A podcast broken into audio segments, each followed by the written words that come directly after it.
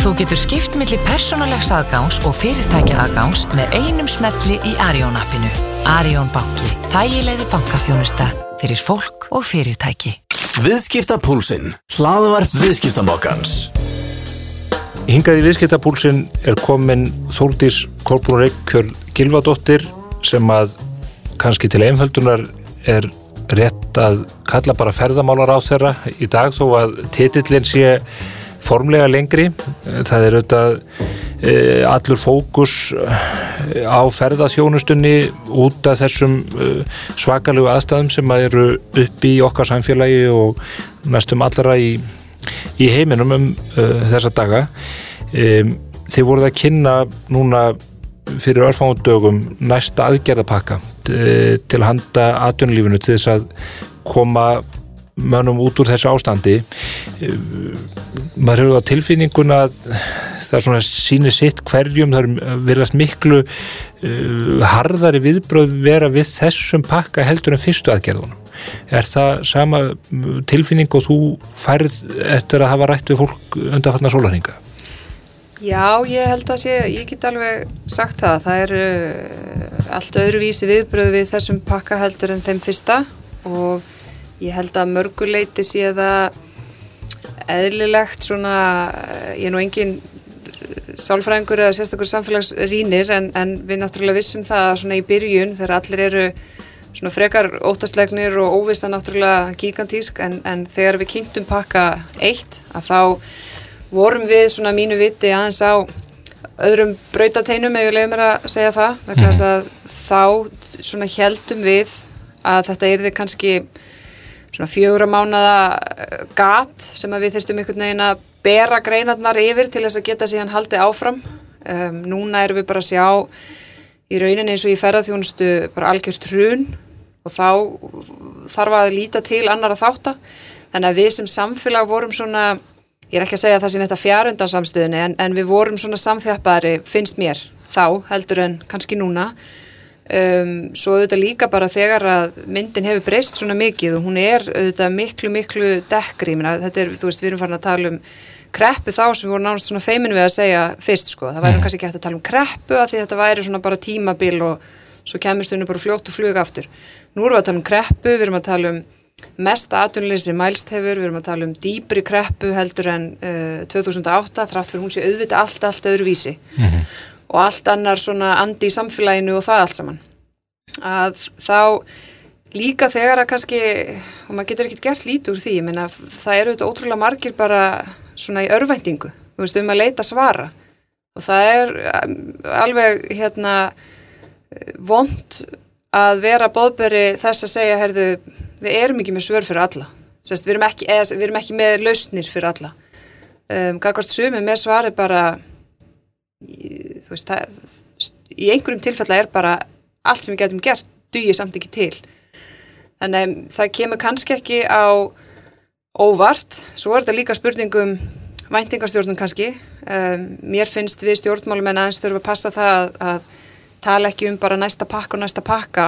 Ef að það leiði til þess að fólk sem að stendur frammi fyrir erfiðum ákvörðunum um, og svona sásökafullum aðgerðum að það leiti skjóls í því að stjórnmálverðandi sé alltaf að segja að það sé næst ykkur annar pakki á leiðinni. Uh, vegna þess að auðvitað verða margi pakkar, þeir verða öruglega yfir tíu vegna þess að vinna okkar stjórnmálana bara næstu missiri er auðvitað að bregðast við þeirri stöðu sem uppi komin. Mm -hmm. þannig að allt sem við gerum er auðvitað ykkurar aðgerðir vegna þess. Uh, stóri vandin kannski núna finnst mér er að þessi þessi óvisa hún er svo mikil og hún er búin að vara svo lengi þú veist, manni, mér liði betur ef, við, ef ég vissi að við værum komin á botnin eða hvar botnin væri. Þetta er líjandi fyrir fólk já, á öllum sviðum. Já, það eru svona allir svolítið ráfandum í þóku og, og hérna auðvitað eru síðan bara mismunandi skoðanir á hlutverki ríkisjós, getur ríkisjós, hvaða lögmálega stiðjast við, ég minna fólk er bara mismunandi staði í hugmyndafræði líka þrátt fyrir að það eru allir svolítið á því að, að ríkisjóður gegnum í mjög mikilvægu hlutverki núna og mjög óheðbundnu mm -hmm. uh, að þá skal ég samt alveg vera svo sem segir það að þú veist, er, hann er auðvitað ekki bara óþrótandi auðlind, trátt fyrir allt trátt fyrir hann sé óbáslega vel svona í stakk búin til þess að takast á í svona áfall. Og við auðvitað erum að að hérna, fara í reysastóra aðgerið, menn við erum líklega að fara að skila ríkisjóði í, ég veit ekki, yfir 250 miljardar menn það eru nokkra vikur síðan að við vorum að leita leða til þess að halda okkur í nulli mm -hmm. þannig að ég það kemur ekki beint og óvart að það séu mismunandi skoðanir. Um, og ég finn líka hans fyrir því að þessi svona sko áhersla á nýsköpunna og það, það er aðgerið sem ég er sjálf mjög stolt af og mér finnst að vera svona að reyfa okkur bara hraðar, þetta er allt eitthvað sem var á stefnusgrá, eitthvað sem ég vildi sjá sko ná fram að ganga. Um, að einhverju upplýði það sem við séum einhvern veginn að velja það og segja skiliði annað, mm. það er alls ekki svo og þessar aðgerið auðvitað gagnast líka öllum atvinnugreinum. Þú veist, við erum með sterkari ferðarþjónustu ef okkur tekst að nýta tækna en frekar. Uh, hér er mikið rætt um bókunarsýður og hlutfall sem að fer, kostnaðar sem að fer hérna til uh, þeirra. Meina, mögulega höfum við bara burðið til þess að smíða okkar, þá er ég ekki að tala um ríkið, heldur bara við hér Íslendingar. Mm -hmm. Uh, þannig að allar þessar aðgeri nýtastöð inn í þetta allt saman, hvort sem það er stóriði á nýskupin þar eða ferðarþjónusta, sjávarútur heilbriðiskerfið, mentakerfið, allt þetta, mm. veist, þessar aðgerir eru til þess að gera Ísland samkjömsæfra á öllum sviðum og það þýðir að það er farin í allar atvinnugrein. Þú nefnir að þetta kunna verða tíu pakkar mm. uh, sem að manni bregður við að heyra í raun þrátt fyrir alltaf því að nú eru þeir orðin tveir. Uh, þessi hörðu viðbröð þar sem að margir vilja segja að það sé ekki að koma til móts við þennan hópið annan. Uh, er það rétt með gaggrinn þar að segja hefði þurft að dengja bara meir út, hefur þurft að hafa þetta bara meira að umfangi dýrara og stærra strax mm. eða er það ómögulegt vegna óvissu eða vegna þess að það tekur bara lengri tíma að vinna slíkar tilugur? Ég held að þetta sé samblanda af þessu sko, eh, ég las það til dæmis í viðskiptablaðinu að, að einhverjur er á því að það er bara þurft bara starri fjárhæð, starri aðgerir, bara meiri fjárútlát, meiri stuðning. Um, við erum auðvitað alveg að segja að við erum ekki að setja punkt við stuðning og aðgerir ríkistjórnarinnar eða ríkisjóðs uh, en, en við finnum líka alveg fyrir því að ég meina sumar aðgerir sem voru í pakka 1 eru enn í útfæslu mm -hmm. þannig að þær eru ekki komin að til framkanda við sjáum ekki enn hvaða áhrif þær hafa hvaða svör eru þær og munu þær veita. Þannig að þrátt fyrir að tíminn vinni auðvitað ekki með fyrirtækjum með 0 krónir í tekjur að þá vinnur samt tíminn með svona ákveðnum aðgjörum til þess að átta sig á svona heildar myndinni vegna þess að þú veist og þegar maður horfur að pakka 2 þá getur maður náttúrulega ekki horta hann án þess að taka pakka 1 með inn í þá mynd. Uh, þannig að ég held að ef við vissum að þetta væri svona botnin að þá væri við kannski aðeins annari stöðu en, en hérna þegar við sjáum ekki ennþá svona fyrir endan á því, þú veist, og hvenar við erum raunverulega að fara í þessa viðspinnu mm. að þá er það allavega mín sín að að aðgerðna taki eitthvað með af því líka. Í viðtali sem að þú varst í og byrtist nú í vikunni við tímariti þjóðmál, mál, þar kemur fram að, að þú sett vissum að við komum okkur í gegnu þetta og komum sterkari út úr stöðunni þegar upp er staðið. Kallt mat á það hvað þetta tekir langan tíma er er það orðin e, í raun og veru bara er það staðreindin ein eða megum við gera ráð fyrir því til dæmis að það verði í raun og veru lítið úr ferðarþjónustu e, fyrir en á árunum 2021 og þá mögulega voru 2021 Ég held að það sé óhætt að gera frekar ráð fyrir því að þetta ár sé svo gott sem alveg farið. Mm -hmm. uh, og við erum þá að horfa á næsta ár, 21 og það eru svona mismunandi sjónum um það hversu upplugt það getur verið. Ég held að fyrir hluti árs verði kannski ekki mjög sterkur en, en svo breytist þetta svo hratt. Ég meina við, við erum ekki með svör við mótefna þróun uh, við erum ekki með svör við því hvenar önnur lönd treysta sér til þess að opna, mm -hmm. við erum ekki með svör við því hvort að það gerist hratt eða mjög hægt eða hvort að við getum farið í tvíliða samninga við önnur ríki um opnanir, hvort að Norðurlöndin geti farið í eitthvað samstarf, allt þetta hefur svo mikil áhrif á síðan næstu skref og hversu fljótt við getum unnið okkur upp úr þessu. Þannig að uh, ég, ég er alveg, sko, auðvitað maður hættur um þetta geti tekið mjög langan tíma um, og, og við erum auðvitað ekki að treysta á, sko, þú veist, það er, engir, það er engar svona kröfuhafa samningar sem skil okkur allt í einu mörg hundru miljörðum einhvern veginn til þess að bæta stöðuna, við erum ekkert að horfa fram en eitt svoleiðis, þannig að, að, að því leiti getur líka tekið lengri tíma bara fyrir ríkisjóð til þess að geta ráði við sko öll hín verkefnin, að því við meðum ekki gleyma því að áður en að við sáum fram á 250 miljardar halla út af tekið hruni og auðvitað þessum auknu útlát, fjárallátum að þá erum við auðvitað með öll hín verkefnin sem við höfum bara gengið hansi langt í. Mm -hmm. hvort sem að það er í hérna, fjármunni til heilbreyðismála, velferðarþjónustu almannatryggingakerfis, samgöngumála allt þetta sem að ríkið er að gera. Og þegar við erum að horfa til sko, aðgerða annara landa þá finnst mér aðeins skort á umræðinu að líta til þess hvers konar velferðarkerfi við erum að bera upp í hér. Um, í öðrum löndum þegar svona hluti gerast þá, þá stingur ekki samband öllum þessum fjárútlátum eins og við gerum hér. Þessi tilfæslu kerfi svo kallu mm -hmm. menna þegar að verður hérna óbáslega mikið atvinnleysi uh, og svo framveist, þannig að við erum svona að grípa bara sjálfkrafa miklu fleiri þætti heldur en mörg önnur ríkir að gera, en við meðum bara ekki gleyma því að, að allt það kostar og það sem að borgar alla þá þætti er vermaðarsköpuna, þannig að snýst ekki um hvort úr því liði með ofnböru starfsmunum eða engageranum heldur er staðrindin einfallega svo að þú getur ekki rekið þessu ofnböru kerfi nema þessi nægilega mikil verðmættasköpun í landinu. Og nú er allt of lítil verðmættasköpun í landinu.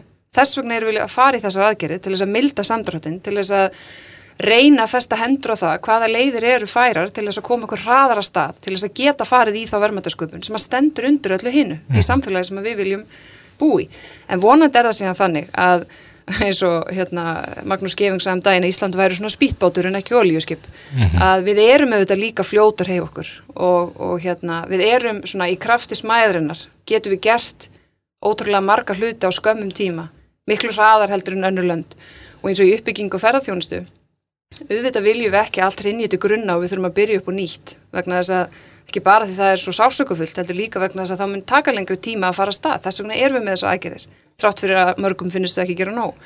En, en jafnvel þótt við horfum fram á mjög breytt að ferða hegðun uh, ég meina það er verið að spá 50-75 miljón uh, starfa sem bara hverfa í ferðarþjónustu í heiminum að þá megu við ekki gleyma því að í því samhengi öllu erum við náttúrulega bara með sandkotn að fjölda hér, þrátt fyrir okkur finnist 2 miljónir mjög mikið, þá eru 2 miljónir óskaplega lág tala mm. í því samhengi.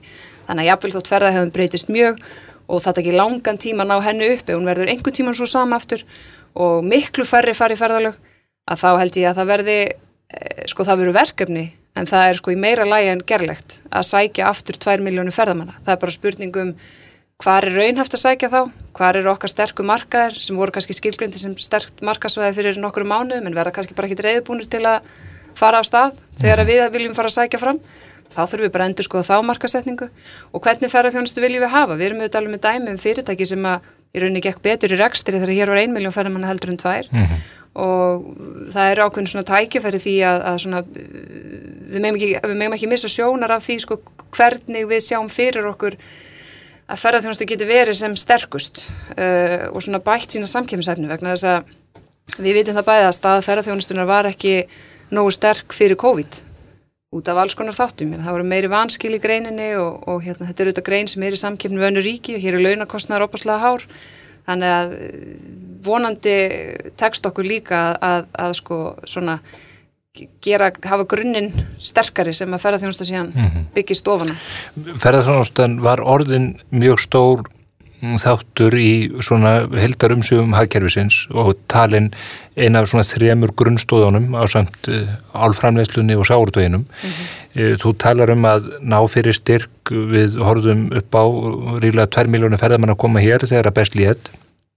Uh, er það endilega eftirsóknarvert að ná fyrir styrk þar að segja viljum við aftur sem 350.000 manna samfélag uh, byggja afkom okkar að svo miklu leiti á já kvikri atvinnugarinn á þessari e, ekki síst nú þegar við höfum þá reynslu e, sem að þessi veira kennir okkur, bytur reynsla mm -hmm. og, og með þá þekkingu í farteskinu að þeir hluti sem eitt sem hafa gerst geta endur tekið sig. Mm -hmm. Er þetta eitthvað sem við þurfum jafnvel að fara í naflaskoðun á í stað þess að keira allar vélar hér í botn aftur mm -hmm. og uh, að láta í raun og veru allt uh, innan lands snúast um þessa grein meir og minna? Mm -hmm.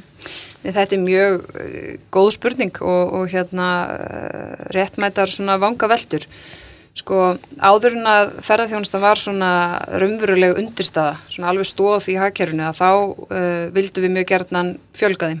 Og við fjölguðum, fjölguðum þeim með ferðarþjónustunni um, þegar við vorum að vinna jafnvægisásinn, semst vorum að reyna svona greina þólmörk ferðarþjónustunar og þólmörk Íslands þegar kemur að ferðarþjónustu út frá efnaðslegum þáttum umhverfislegum og samfélagslegum þá er þetta mjög stutt síðan að við vorum hérna að ræða samfélagsleg þólmörk svæðið þar sem að bara heimamenn voru ekki til í fleiri ferðamenn umhverfislega þólmörk þar sem við bara náttúrann reyði ekki við það og efnaðslega þólmörk þar sem við sögum, herðu, nú er bara ferðarþjónustan orðin of stór hluti af kökunni, of stór mhm. sneið. Nú eru bara það að fara að ja, mögulega bytna á öðrum greinum og, og bara áhættin er orðin og mikil. Þannig að svo vinna bara likur fyrir og við munum þurfa að horfa á það aftur. Um, varðandi síðan fjölg sko fjöldana þá er það líka auðvitað eitthvað sem við meðum ekki gleyma þráttur við séum alltaf tala um hvað þeim hefur fækkað og hvernig við þurfum að fjölga þeim til þess að fá hérna að þeim tekjur að þá um, hef ég ekkert skipt um skoðinu því og stefnuramin er alveg skýr með það að við erum ekki að horfa fjöldan heldur miklu frekar þau verðmæti sem verða eftir í greininni. Þannig að auðvitað væri drauma staðan okkur, okkur tækist að skilja eftir meiri, búa til meiri verðmæti úr atvinnugrein með einu og halva miljón ferðamanna en mm. ekki tvær, tvær og halva, þrjár, þrjár og halva því þá ferður líka reyna á þessi samfélagslegu þólmörg, umhverfslegu þólmörg og það fer að kalla á frekari hérna, innvið uppbyggingu í samgöngufrangandum, hafnafrangandum, flúvallafrangandum, mm. öll þessum að kostar verulega fjárminn og það þarfst að fara að vega og meta um, en En þeir sem að líka segja að við sko þurfum ekki lendilega ferðarþjónustuna af því, því að við bara þurfum að fara að gera eitthvað annað. Þú nærðu þetta ekkert, ég meina, gældaristekjur á ferðarþjónustu eru sko 30, voru 35%. Ég meina það er meira heldur en sjáurútur og, og orkufrökur innar samtals. Mm -hmm. Þannig að það þarf hérna ansi mörg fyrirtæki öðrum geirum til þess að ná því. Þannig að ég held að Íslendingar vilja aftur sterka ferðarþjónustu og öll þau jákvæða áhrif sem að henni fylgir, hvort sem að það er sko á grunni svona bara að þú horfur á lífskjör, stöðu, ríkisjós, sveitafjöla uh, og bara lífsgæðin. Ég menna það, hérna, það eru þetta stór merkilegt að fara hérna út um land og horfa á hvernig ferðarþjónustan hefur verið þessi svona sjálfsbrotna byggðaðegjör. Mm -hmm. Bara einstaklingsframtæki blómstrar og það verður svona sjálfsbrottin byggðaðegjör. Þannig að lífsgæð okkar hafa aukist rátt fyrir á tímbili hafa mörgum þótt ofmargi ferðamenn og eitthvað það búið trafko mikið á, á hérna jarvegi og svo framvegi sko. Við erum auðugra samfélag eftir og líka Bæði, menningu já, og já. bara veitingahúsa gerin og annað sem allir hafa upplifað á eigin skinni ef já. að menn horfa sangjant á það. En uh, nú var... En, en fyr, bara til að bæta við fyrirgjöfu vegna þess að við, hérna, þess vegna líka erum við að segja við þurfum líka þetta eitthvað annað. Veist, við, mm. Þessi þekkingageiri þó hann flæði sér inn um allar atvinnugreinar þú veist, við þurfum raunverulega þannig stóð, við þurfum þú veist, nýsköpun snýst einfallum að búa til meiri vermaði úr því sama mm. og það er okkur lífsnöðsulegt hvort sem að það er fyrir bara til þess að auka gældaristekjur, vermaðasköpun eftirsoknum verið störf, að hér sé eftirsoknum verið að búa, en síðan ekki síður að því vorum aðan að tala um sko hlutverk ríkisins í þessum stóru þungu kerfum sem að kosta okkur mikið og við viljum við halda til þess að geta gert það þá verðum við að stór auka nýskupin í þeim kerfum. Mm -hmm. Við getum ekki haldið uppi, ég bara fullir það, við munum ekki geta haldið uppi heilbreyðskerfi ef við ekki stór aukum nýskupin í þau kerfi. Mm -hmm. Þa, á þessari skoðun var ég sko fyrir COVID. Þannig að ef það hefur eitthvað breyst þá er það bara það gargar á mann mm -hmm. og sama með þjónustu við til að mynda eldriborgar, ég menna sá hópu bara stækkar og við erum öll orðin miklu færar í því að nýta tækni og það sem að tækni getur gert fyrir þessa hérna, þjónustu það er bara endalust. Við getum gert svo miklu betur sem bæði bætir þjónustu við þá sem hana þurfa að nýta og annarkvært lækkarkostnar eða þeim minnst að hann stendur í stað þrátt fyrir að þjónustu þegum fjölgar. Mm -hmm. Upp á aldamótum veðju við á fjármálakerfið og svo kom alþjóðlega fjármálagreppa og allt hundi hér til grunna í kjálfærið veðjum á ferðarþjónustuna mm. það kemur önnur heimskreppa sem að bitna vest á akkurat þeirri grein sem við völdum mm -hmm. í tenslu bankarhunnið hefur mikil gaggrinni verið á stjórnvöld fyrir að hafa ekki gripið tauman eða haft nógu mikið kontról á, á fjármálakerfinu mm. munum við sjá þá eftir uh, þetta gjörninga viður allt að stjórnvöld muni reyna að hafa meiri stjórn á uppbyggingu ferðarþjónastunar mm. heldur en hér á síðust árum því að stundum hefur þessu verið líst mm. sem bara vilt af vestrinu. Mm. mm.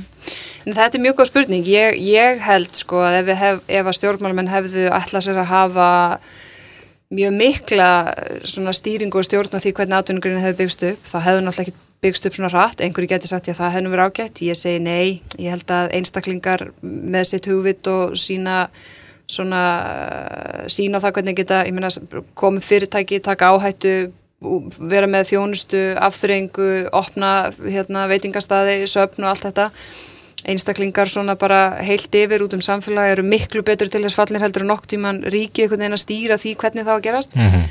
Uh, en við vissulega uh, höfum verið á þeirri vegferð að, að hérna, undarfæri misseri að svona, ég menna við erum búin að gera stefnu sem segir hvernig ferðarþjónustu viljum við þannig að þú veist við og, og, og, og greinin alltaf með í því mm -hmm. þannig að þar erum við auðvitað líka að segja herðu, veist, við, og sama með jafnvægisásin við vorum í raun að segja hversu mikið þólum við hvað þarf að gera til þess að auka við þau þólmörk og viljum við gera það eða ekki mm. viljum við fara í inn, hérna, inn við uppbyggingu í samgöngu framkvæmdum upp á 80 miljardar til þess að geta tekið á móti 400.000 fleiri svo ég skjóti bara einhverjum mm. tölum þannig að ég held að sko það skiptir máli að, að stjórnvöld sé með svona skýra sín og stefnumörkun á það hvernig við viljum byggja upp greinina en, en ég vil frekar uh, taka ég vil frekar hafa það sko frjálsara bara á, á hérna grunni svona einstaklingana og taka þá það,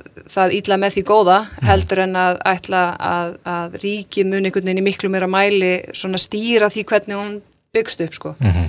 Við, það bara almennt sér hefur ofinbæra of, of hægt þar að kemur því Í þessum pakkanum við tvö var mikil áhersla á rannsóknir og þróun mm -hmm. og nýsköpun og það viðkenna allir að til framtíðar er það mikilvægt mm -hmm í neyðarpakka, í neyðarastæðum eru rannsóknur og þróun hins vegar fyrirbæri sem að er dálítið langt í burtu mm -hmm. við sjóndeldarhingin. Mm -hmm. Maður tekur líka eftir því og eh, ég held að þessi rétt skilji hjá mér að, að þessu aukna innspýting sem að þið búðu núna, hún kemur ekki til framkvæmda fyrir næsta ári. Það er ekki fyrir 2021 sem að þessi ákvörðunum, þessu aukningu kikkar inn. Mm -hmm. e, nún er apríl, þá er eftir mæ og júni, júli, ágúst og, og allir þeir mánuður sem að þar og eftir koma mm. þar til að 1. janúar 2021 rennur upp er þetta hluti er þetta það ákveðin sem á í raun og veru heima í, í svona neyðar aðgerðapakka er mm. þetta ekki frekar stefnumörkun til framtíðar? Sko, einhverju getur sagt að þetta ætti jafnvel heima í svona eh, pakka sem verður kannski meiri svona viðspyrtnu pakki þegar við erum farin að sjá til lands með einhvern veginn hvar, hvar, hvar ósköpun enda og við fyrir að byggja upp um, en, en þetta er auðvitað líka, ég menn í mínum huga eins og það hækka þakið uh, á þessu hérna, semst hámarkið á því hver, hversu há fjárhau getur fengið endugreita af rannsókn og þróunarkostnaði. Úr 600-900 miljónir? Já, úr 600 miljónum í 900. Uh, ég menna það gagnast stóru fyrirtækjunum Uh, ég meina litlu sprótarnir og meðalstóru fyrirtækin eru, er ekkert að ná upp í það þakk og einhverju getur sagt, heyrðu, er það forgáðsadri? Ég segi bara, já, ég meina við viljum stóru og stöndu fyrirtæki í nýsköpun, við viljum alla flóruna í því mm -hmm. Og það, sko, greið, sagt, þetta tekur gildi 2021 í formu endugreislunar en þetta miðast við árið 2020, þannig að fyrirtækin geta þá gert rástafanir strak, núna strax og, og hérna með hliðsjón af þessum aðgjörðum að því það miðar við ekstra árið 2020. Þannig að þau geta í raun eins og stóru fyrirtækin farið úr 600 Já. í 900 miljónir Já. og endugreislan kemur þá til framkvæmta þá. Já, og sama með hérna uh, hækkun á, á hlutfallinu. Um, og við erum auðvitað líka að setja til að mynda með þessum auknum fjármunum í tæknumþróunasjóð 700 miljónir á þessu ári og reyndar líka 700 miljónir í, í hérna ranni sem er svona rannsóknarsjóð sem er mhm. kannski enn fjær í því að sjá hvað hva kemur út úr því en tæknumþróunasjóð snýst þetta bara um að styrkja við hérna góðar hugmyndir Þannig að við vildum koma þeim fjármunum strax svona í framkvæmt sem er þá bæðið til þess að sko við halda bara þú veist virkninni. En auðvitað er við þá að spýta í og segja heyrðu hér verða til fræ sem síðan verða að stöndum fyrirtækjum. En það er alveg rétt, þessar aðgerir eru ekki, þetta er ekki björgunar aðgerir í þeim skilningi, þetta er ekki heyrðu hér er miljardur, hérna nú þurfum við að fara að byggja brýr til þess að koma mhm. fólk í vinnu. En þetta auðvitað gerir það verkum að, að fyrirtækin geta ímest ráðið meira fólk, um, flýtt ákveðnum verkefnum sem að hefur þá líka svona afleitar afleðingar. Vonandi gerir þetta það verkum að, að við erum þá samkeppnis svona hæfara svæði fyrir að við viljum þennan geira, við viljum þekkingar geiran hingað, þannig að þessi fyrirtæki stóru til að mynda eru auðvitað með starfsemi mjög víða. Mm -hmm. Við erum auðvitað líka að segja, herðu, veist, við viljum vera nógu samkjöfnishæf til þess að því séu að byggja verkefnum frekar hér heldur en að fara með eitthvað annað mm -hmm.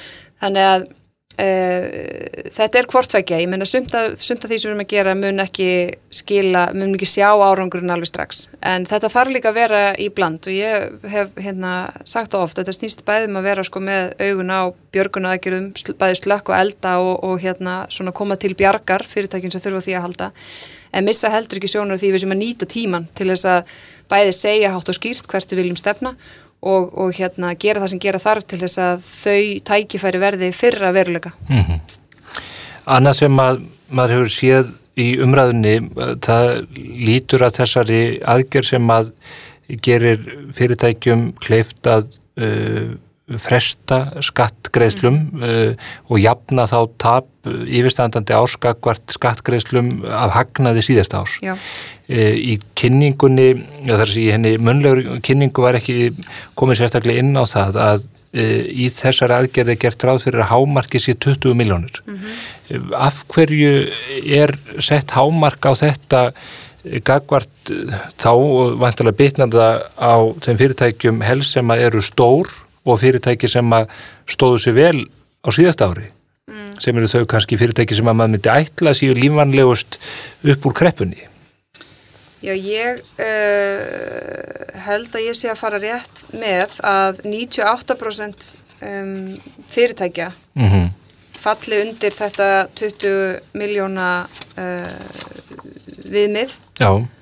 Uh, já, 98% fyrirtækja séu undir þeim mörgum, hámas uh, upphæði tekjuskatt sem að má jafna á milli ára, mm -hmm. þannig að við erum að gera áð fyrir því að heildar áhrif á þessu sjá allum 13 miljardar, auðvitað jafnast það síðan út fyrir ríkisjóð, en mm -hmm. þetta er þá í raunin að þetta segja að séu svona 13 miljardar þá slaki, eitthvað sem verður þá eftir hjá, hérna, hjá fyrirtækjunum, þannig að hvort að það eru þá einhverjú, þessi stóru fyrirtæki sem hefur geta nýtta en frekar, þá uh, er þetta þá svona targeterað á langstæsta hlut fyrirtækja um, og, og hérna hver Sko ef, já, þetta er líka alltaf bara spurningum hérna, heildar áhrif fyrir ríkisjóð hver og einn aðgerð sko. Mm. Ef, ef að viðmið hefði verið 25 miljónir eða 30 miljónir þá hefði, hefði áhrifum væntalega verið mögulega verulega herri.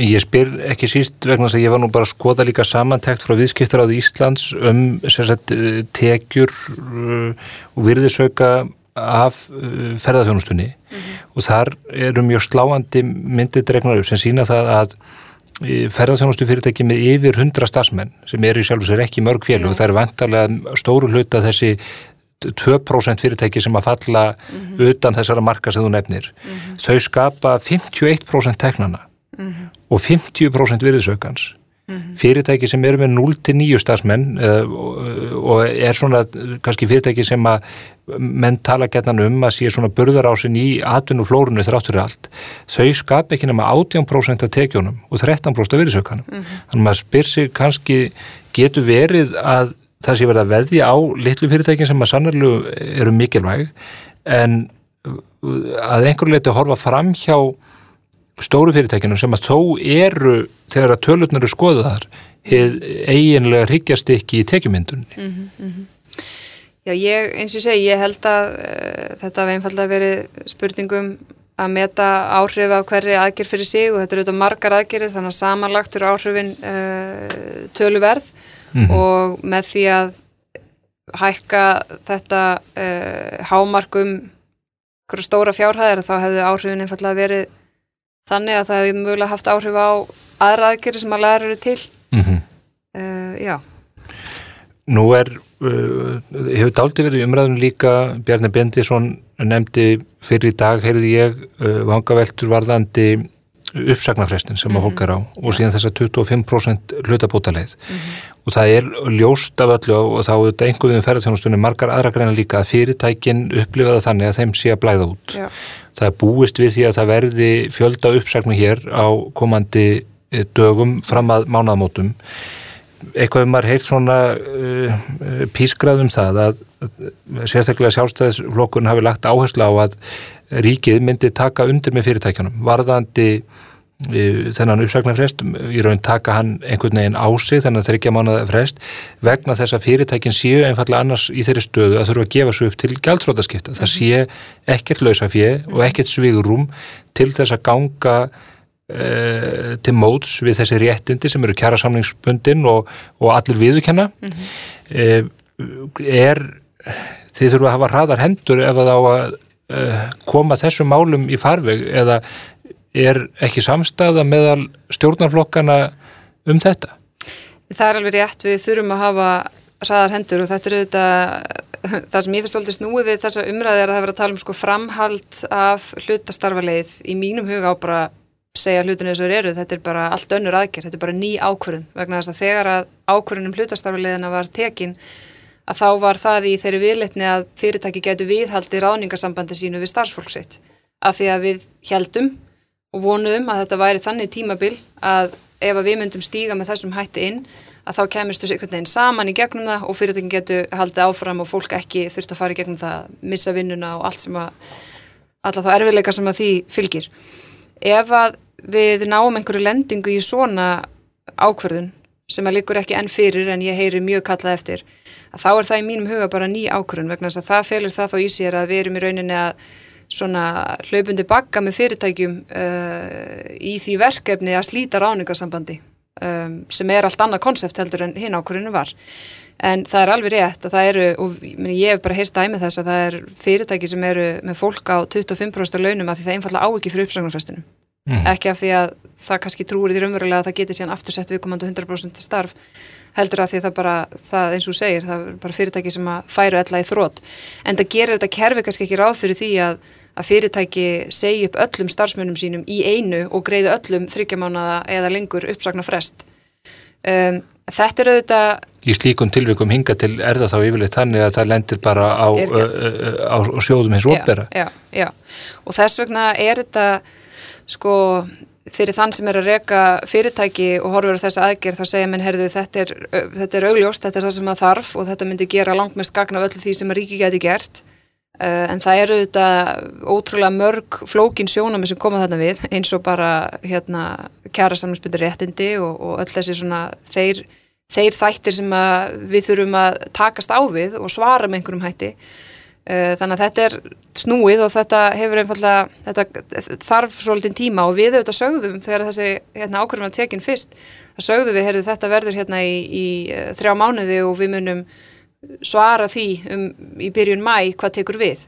Svo bara hafa hlutinir ægslast þannig að núna einhvern veginn er bara sagt heyrðu það er bara úr seint að koma í byrjun mæ vegna þess að við munum þá þurfa að fara í meiri háttar annarkvæmstu uppsagnir eða gældurættaskipti þannig að við heyrum þetta og, og hérna það er verið að vinna þessu mjög öruglega og hratt uh, og ég vonast auðvitað þess að, að við náum einhverju lendingu, ég menna ég átt á mig vel á því að þetta er mjög flókið og þetta er ekkit sjálfsagt en ég sé ekki betur en að þetta getur verið svona, já líklega mikilvægasta aðgerð sem að við getum farið á þessu, þessum tíma, punkti. Þið standið vantarlega frammi fyrir þeim kosti að ef að ekkert er að gert og raunin verða fjöldagjaldrótt þá ferði þetta ábyrða svo launa hvort þið er. Já, já. Ríkið er hvort sem er komið með þetta í andletið. Já, já við erum auðvitað með, já, já, það er auðvitað hérna, það endar auðvitað þar uh, en, en eins og ég segi þessi hérna kjæra samanspundi réttindi fólks eru þannig að það þarf bara svona svara ákveðnum spurningum og það tekur tíma að fara yfir það allt saman og, og finna ykkur að lendingu í því, ég menna hérna endan meður síðan auðvitað atvinnleysisbætur hérna hefbundnu uh, ekki þannig fjárhæðir að það eru nú hérna flestir með herri laun en mm það, þannig að það, þetta hefur allt áhrif á starfsfólki líka uh, en, en eins og ég segi, ég, vonasti þess persónulega að okkur takist að lenda því með einhverjum hætti, því ég heyr ekki annað en að þetta getur verið svona súleið sem kannski skiptir mestu málu fyrir mjög mörg fyrirtæki til þess að komast hjá gjaldróti sem auðvitað, minna fjölda gjaldrót er ekki gott fyrir starfsfólk heldur vegna þess að við viljum að sem flestir hafi En þarf ekki að koma lending í þetta fyrir mánamót? manni heyrist að það sé rosalega skriða já, framöndan. Já, uh, það, ég heyri það líka að það sé rosalega skriða framöndan og eins og segi ég, Ég vona það, ég meina, jú, það væri þetta betra fyrir alla ef okkur tekst að, að lenda því með einhverjum hætti og það er, sko, við, eins og ég segi, við veitum sögðum þá að það kem ekkit svar fyrir en bara í mæ, en staðan hefur bara breyst síðan þá. Og það eru, ég veit að það eru allir að gera sitt allra besta til þess að reyna ná lendingu því og, og verkefnið er ærið mjög og það er í, í hérna höndum bæði ótvita uh, ríkistjórnarinnar og þetta koma inn í það fleiri hérna ráþurar þannig að ég get ekki annað sagt en ég vonist til þess að, að það verður komin svör fyrir mánamót. Er ágreiningur um þetta með stjórnflokkana? Nei, ég held ég þurfi nú ekki að svara því átandi þessi ágreiningur uh, en eins og ég segi þá er þetta bara Já, það eru auðvitað bara sjóna með uh, það sem snýrað bara samningsbundum réttundum starfsmanna um, verkalýsreifingin er með sjóna með í þessu og, og einhvern veginn þurfum við að lenda því þannig að sóma sér að en, en hérna ég vil trúa því að það takist í tíma en við, við verðum að sjá til Það er auðvitað mjög undarleg staða ef að uh, fyrsti mæ af öllum dögum ársins myndi renna upp mm. með svona holskeplu mm. vegna þess að menn hefur ekki komið sér saman um, mm. um einhver útvæðslu því að þetta hefur svona verið að teikna stöðut upp jæmt og þétt allavega síðustu hvað ég var að segja vikuna eða tvær um, Það eru fleiri greinar sem að eru í svona skulum við segja í, í úlva kreppu uh, og það tengist uh, þessum alheims faraldri Eh, við höfum fluttað í frettir eh, hér eh, í morgublaðinu síðustu mánuði að álverin er að mhm. strögla. Mm -hmm. Það er annar stór geiri sem við getum illa verið án mm -hmm. og heyr undir þitt ráðneiti þau er að kalla eftir því núna að fá í raun og veru tilslaganir til þess að efla samkeppnishæfni sína ekki síst varandi raforkuverðið um, Nú hefur ríkistjónin gefið það útgagvar fjármálafyrirtækjunum til dæmis að sem er í eigu ríkisins að það er ekki að krefjast arðsemi af, af þeirri starfsemi á þessu ári til þess að það sé hægt að beina verðmætonum í það í, uh, stiðja við atunlífið. Mm -hmm. Er allur fókus farin af þessum vanda álverðinu? Er e, verður bara látið skeika sköpuðu þar eða hafið þið einhver tól í höndunum eða eru þið að fylgjast með því eða að reyna að tryggja að við lendum ekki í því ofan í alla þennar hrylling að eitt eða fleiri álver reynlega leggja upp laupana hérna? Þetta eru auðvitað mál sem að uh, ég hef tölverðar áhyggjur af um, við, minna þetta var æri verkefni fyrir COVID mm -hmm. um, og staða hjá Ísal hefur auðvitað verið tölvert í, í fréttum uh, að mínum mati og mikið í fréttum það er að segja að þetta er auðvitað samtal sem er í gangi millir landsvirkjunar og fyrirtækisins og það væri heppilega ef að menn heldu því svona í meira mæli mæli þar svona til þess að uh, gera það sem hægt er til þess að lenda því með einhverjum hætti. Við Sko ég ákvað og, og fór með það fyrir ríkistjórn að, að hérna fara í e, óháða útækt á samkeppnishæfni orkufröksiðinar í Íslandi. Og við fengum fránhófer til þess að gera það fyrirtæki e, fyrir okkur þar sem að þau hafa beint samband bæði við þá sem selja rávorku og þá sem hérna kaupana, þessar stóriði Uh, og skoða fleiri þætti heldur en bara rávorku verði, bara til þess að reyna að fá okkur að skýrari mynda það hver, hver samkjömshæfni okkar umverulega er. Vegna þess að ég var orðin svona ansi langþreytt á því að, að hlusta á mjög stórar yfirlýsingar einhvern veginn úr mjög mismunandi áttum frá fyrirtækjunum um, landsverkin heldur fram sínum sjónamiðum og, og svo ertu með eitthvað samninga þarna. Um þá er hérna ríkir lind uh, það er ekki hægt að byrta þá og taka einhvern veginn umræðina út frá þeim staðarindum vegna þess að ráðsku samningur auðvitað sínir, gefur upp, mikilvægur upplýsingar um þessa stöðu. Þannig að svo vinna er á áallun og hefur ekkit uh, tafist vegna uh, ástandsins. Þannig að þau er skil af sér í lok næsta mánadar þannig að vonandi kemur eitthvað hérna, almennlegt út af því sem að skýri þessa stöðu en frekar við vitum sér núna vegna COVID að þá eru þetta bara þvílikt dropp á eftirspurn eftir áli. Og það er, byrð, það er bara sapnustu byrðir uh, í hérna, heiminum sem er, mun taka mjög langan tíma að vinna úr og af því hef ég áhugir uh, þegar maður séðan horfir á þróun bara á álframlýslu í heiminum bara undanfærin 20 ára þá hefur, ég menna það hefur ekkit álver verið byggt hérna í Evrópu undanfærin 20 ár það sem er mest uppbyggingir á þessu stað hefur verið hérna á Íslandi. Og ég kann, man ekki alveg tölunar en, en það er um það byrj 50 miljón tonn sem voru framleitt hérna fyrir um 15-20 árum sem er í dag kannski 56-7 miljón tonn. En þar af hefur samt hlutur Kína farið úr bara rétt yfir 10% upp í hérna einhverju miklu herri tölu. Mm -hmm. og þannig að, þannig að það, sko, álframlæslen hefur færst svo mikið til Kína og við vitum það alveg að meina, það er bara framlæslan og, og hérna regluverk svona með öðrum hætti, það spila menn eftir öðrum leikreglum og það er mjög erfitt fyrir Evrópu að keppa við það. Og mínu viti, sko, mér hefur fundist Evrópu sambandið um, þurft að beita sér miklu frekar og hafa ykkur skoðun á því á þessari þróun.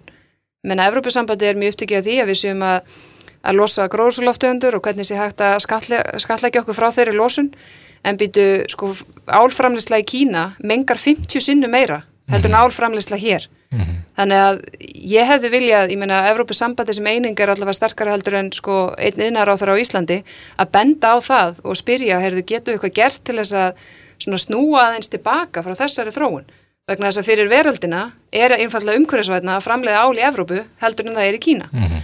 þannig að þessi þáttur e, spilar opaslega stórt hlutverk í þessari þróun.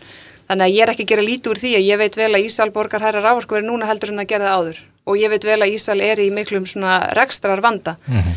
um, en, en hérna það skal ekki gera lítið úr þessari stórumynd, hvernig þróun hefur verið bara í heiminum þegar kemur að álframislu og þannig að það er þá líka eitthvað fyrir okkur til að hafa áhyggjur af vegna þess hversu í rauninni háð við erum því, ég menna þetta skapar mikla gældristekjur og, og mikilvæg svona verðmættstörf og aflita áhrifin eins og fyrir Ísæli, menna við horfum vera bara að aflita þjónustu á svæðinu og það er dröðuð fjöldin allir af störfum og við mættum ekki við því að þetta myndi einhvern veginn fara ítlofan á allt annað sem við horfum fram á, svo ertum við til að mynda önnur uh, ál uh, fyrirtæki sem eru með annars konar samninga, uh, Nordpól-tengingar og annars, þau njóta góðs og akkurat núna þannig allt er þetta nú allir, allir geirar okkar eru nú svona ansi sveiblu kendir um, en eins og ég segi, þetta er eitthvað sem að, ég menn ég fylgist mjög vel með þessu uh, og kalla eftir svona þeim upplýsingum sem að maður getur kallað eftir. En, en staðrindir er einfallega svo að við erum í þessu Evrópu regluverki og landsvirkinu bara sjálfstætt fyrirtæki með sjálfstæða stjórn og teku viðskiptarlegar ákvarðanir eins og í rauninu hvert annað fyrirtæki þrátt fyrir að það sé að sjálfsög eigandastefna ríkisins. Þannig að við getum haft okkur áhrifi gegnum hana. En ég er engin þáttagandi í neinum samtölum eða öðru slíku og, og hef enga lagalega heimil til þess að skipta mér að neinu umfram það sem bara lögin segði tilum en, en við byrjum auðvitað ábyrðu því að, að hérna bæði fylgjast með og, og hérna, tryggja það að við séum að gera það sem við getum til þess að vera samkjöfnisæð þarna eins og annar stað þar sem við viljum vera. En ef við ljós kemur að framtíð alveg þessi strömsvíka er bundin uh, því eina skilir þið að ráðskursamningurum verði endurskoðaður er það þá bara ákvörðum fórstjóra fyrirtækis eins og þessar stjórnar? Munur stjórnvöld ekki að okkur því að búin til grípa inn í til að segja eða hér verður öll að tjálta til til þess að koma vekk fyrir að við verðum hér fyrir enn öðru sjálfsköpuðu högginu onni uh, onni allar þessar hamfærir mm -hmm. Sko landsvirkjun hefur uh, ég meina þetta samtali er hafið á milli landsvirkjunar og, og hérna Ísal og ég bara gerir ráð fyrir því að landsvirkjun séu auðvitað að taka mið af svona breyttri stöðu og þau eru auðvitað að læsa á bæði stöðun eins og hún er núna og svona framhaldið og til að mynda að reyna að lesa í það hvað verður um bara álverð svona inn í framtíðana vegna þess að byrðarstöðu og allt og því. Og, og ég ger ráð fyrir því að landsvirkjun sé að uh, bæði huga því og bara, og bara hvað, hverju COVID er að breyta. Um, og vonasti þess að, að hérna eitthvað, eitthvað komið út úr því mm. um, en eins og ég segi við þetta skipum þarna í stjórn og annað slíkt en, en, hérna, en það er þannig, menn þetta samtali er í gangi og, og ég vona að mönnum farnist að, að hérna, ná einhverju lendingu í því sem að það sem að svona heldarhagsmunir landsmannur að hafa að leiða ljósi mm -hmm. Tvö annur fyrirtæki sem að skipta miklu máli en eru bentengt við og eru í raun og veru líkillin að því að ferðarþjónustan gangi hér. Það eru Æslandir og svo Ísafja. Annað fyrirtækið er í opirregu. Hitt fyrirtækið sínist mörgum að hljóti með einhverju móti að lenda undir vendarvæng ríkisins, ekki síst eftir tilkynningu á miðugutaskvöld og síðan gríðalegt falli í kaupöllinni núna undir lokveikunar. Um, Ísafja, fórstur Ísafja sagði að ef að engar fjárfestingar uh, verða ekki á fjarlæginu þá hafið þeir löst 45 mánada ef að flugið kennst ekki í gang. Um, hvað er til ráða þarna? Er, er til dæmis á vettvangi ríkisins einhver hópur að undibúa þann möguleika að Æsland er verði gjaldtróta og það þurfi að grýpa til rástafana til þess að endurreisa það með tilstyrk ríkisins? Það er sko fyrst, það er alveg rétt sem þú segir, þetta eru auðvitað tvö opuslega mikilvæg fyrirtæki og í raunum að segja sko hvort sem að það er Æslandi er eða annað uh, flugfélag að þá eru þetta frambóð á flugi til og frá landinu bara forsenda sko velferðar á Íslandi, ég menna bara forsenda þess að við bæði byggjum upp ferðarþjónustu og getum sendt okkar útflutnings hérna, vörur út og, og allt þetta. Þannig að það er algjör fórsenda og ég auðvitað hefur maður líka bara ágjur hérna, bæð, sko, bæða af Æslandi er en líka bara af sko, fluggeiranum ég menna mm. af bara öllum þessum flugflugum sem eru að lendi meiri háttar rekstraðuruleikum hvernig þau munu hver þeir að lifa og hver ekki hvernig þau byggjast upp á nýju og hvar verður Ísland á kortinu þegar að flugflug fara ákveða það hvert þau ætla að fljúa við auðvitað nutum mjög góðs af því að hér voru lágjálta hérna, flugfélög og ofbúslega mikið flugframbóð og, og auðvitað okkar staðsending á milli Evrópa og Bandaríkina en maður veit ekki hvernig fluggeirinn eftir COVID mun lít út. Hann verður ekkert sá sami og hann var fyrir COVID. Kannski verður það einhver tíman en við, ég veit ekki hvernig hann mun lít út. Hann er allur gæltróta Hann er allur gæltróta eins og hann er. Þannig að hvernig hann byggist upp og hvar, hvar við verðum verðum við púsl, verðum við mikilvægt púsl? Verðum við bara eitthvað púsl eftir eitthvað langan tíma þetta er í rauninni um, getur haft ótrúlega mikil áhrif á það hvernig okkur mun ganga síðan að byggja okkur upp. En auðvitað hefur Æsland er mikil áhrif á það líka. Og auðvitað er annað að vera með Íslandst flugfélag sem að gerir út frá Íslandi heldur en að vera háð flugfélagum sem bara geta hægt að fljúinga hvena sem er og er ekki minnit leið að kerja beint híðan heldur bara að koma og fara.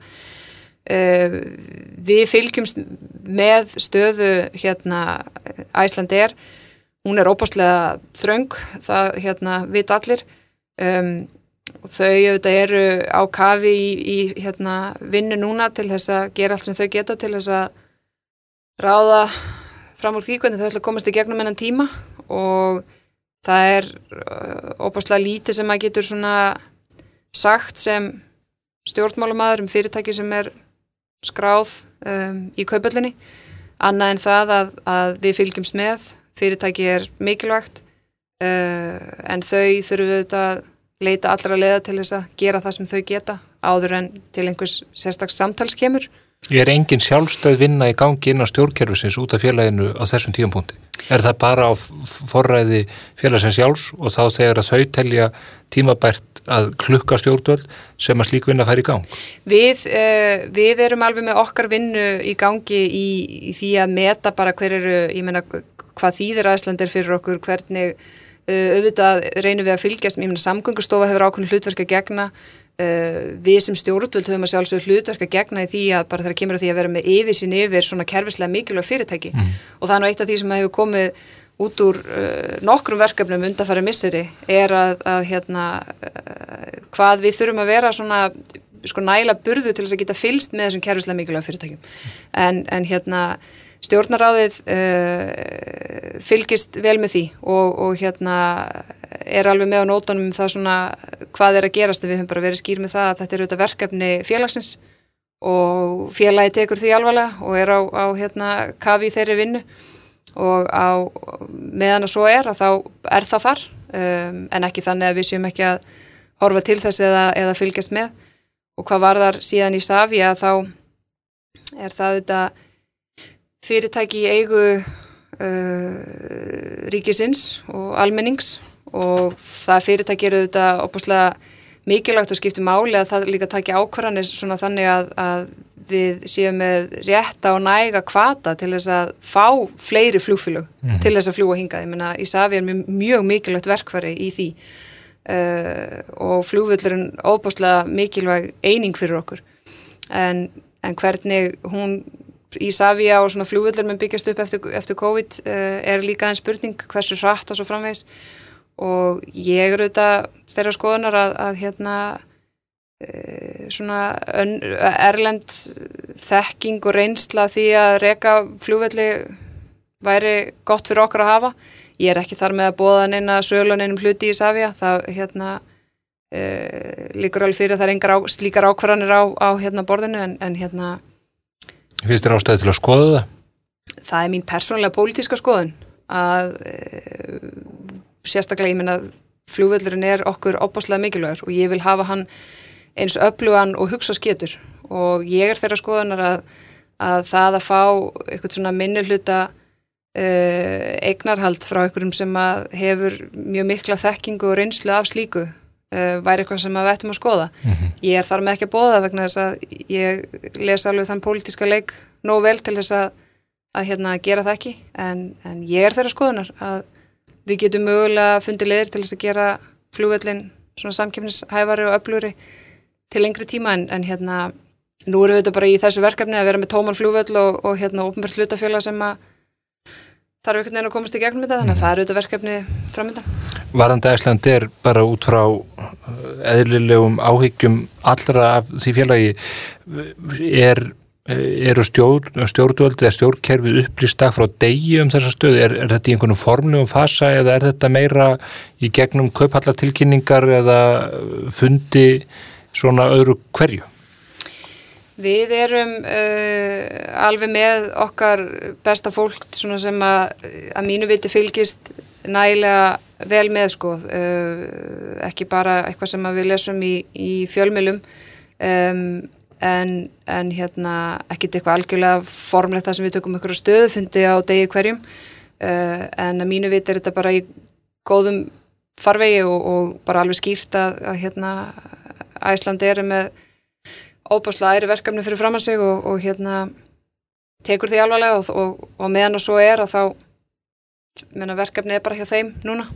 Kemur til greina í þínum huga að leggja félaginu til fjármagn annarkort í formi e, beina lánafyrgreyslu eða hreinlega þannig að fl, e, ríkið eins og gerist, hefur gerst í stórum flugfélum erlendis kemi sem tímabundin og ótímabundin hlutafinn í félagi til þess að fleita því yfir þetta ástandu Það er í rauninni ekkert sem að ég er tilbúin til að segja neitt til um núna. Uh, eina verkefni sem að í mínum huga skiptir máli að sé synd er að hér sé flugfélag og hér sé flugframbót til og frá landinu.